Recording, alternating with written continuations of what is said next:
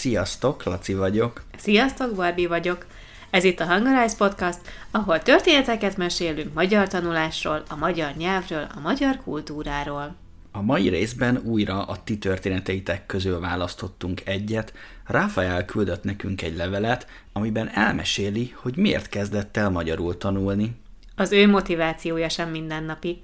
Ráadásul egy vicces hibáját is megosztotta velünk. Igen. Egyébként Rafael nemrég csatlakozott hozzánk Patreonon. Nagyon köszönjük, Rafael, hogy te is támogatod a munkánkat. És azt is, hogy írtál nekünk levelet. Végre én mondhatom azt, hogy Laci, tiéd a mikrofon.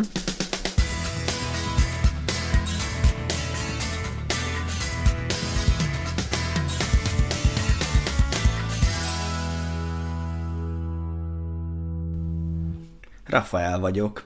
Mexikói vagyok, és Mexikóbárosban születtem, és a közeli Tlalnepantla városában nőttem fel.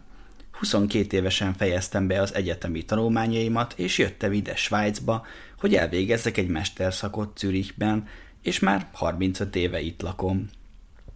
1990-ben voltunk Budapesten a feleségemmel, ekkor ő még csak a barátnőm volt, és nagyon tetszett nekünk.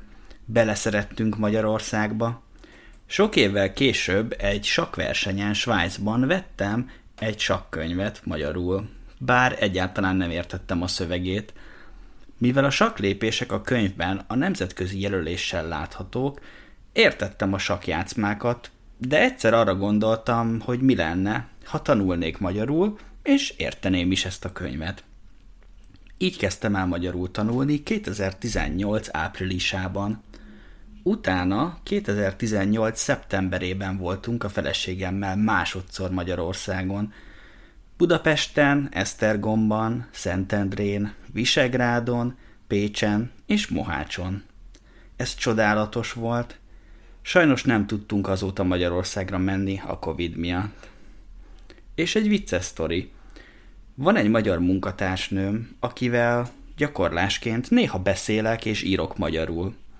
Egyszer azt kérdezte, hogy bejöhet-e az irodába. Azt feleltem, hogy jöhetsz, ha szeretsz. Ő nagyon nevetett, és elmagyarázta nekem a különbséget a szeret és a szeretnél szó között.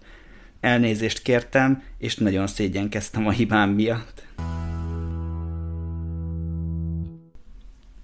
Nagyon tetszik nekem, hogy Rafael a hobbija miatt kezdett el magyarul tanulni, és így talált magának egy új hobbit. Igen, ez tök jó motiváció. Majd meg kell kérdeznünk tőle, hogy elolvasta-e már azt a bizonyos sakkönyvet. Ó, mindenképp. Laci, te egyébként tudsz sakkozni? Tudok, annó a nagypapám megtanított, de sajnos nincs kivel játszanom manapság, így nem vagyok túl jó játékos. Mm, engem is a nagypapám kezdett el megtanítani, de kártyázni jobban szerettem, így mi inkább csak kártyáztunk. És hát azóta sem tanultam meg sakkozni. Pedig volt egy nagyon kedves diákom, Krisz, aki nagyon sokat mesélt nekem a sakról. Ó, igen, rá én is emlékszem. Hmm. Rafael leveléből is kiválasztottunk öt szót. A héten a Daily Dose of Hungarian projektünkben ezek lesznek a napszavai, ezekkel írunk nektek dialógusokat. Nézzük, melyik ez az öt szó. Felnő. Gyerekből felnőtt lesz. Sakk. Egy logikai játék, amit fekete-fehér táblán játszanak. Beleszeret valamibe. Amikor nagyon-nagyon megtetszik valami. Szöveg. Sok mondat együtt egy témáról. Szégyenkezik. Amikor valamit rosszul csináltál, és ezért rosszul érzed magad. Köszönjük, hogy ma is velünk tartottatok. Két hét múlva találkozunk. Sziasztok! Sziasztok!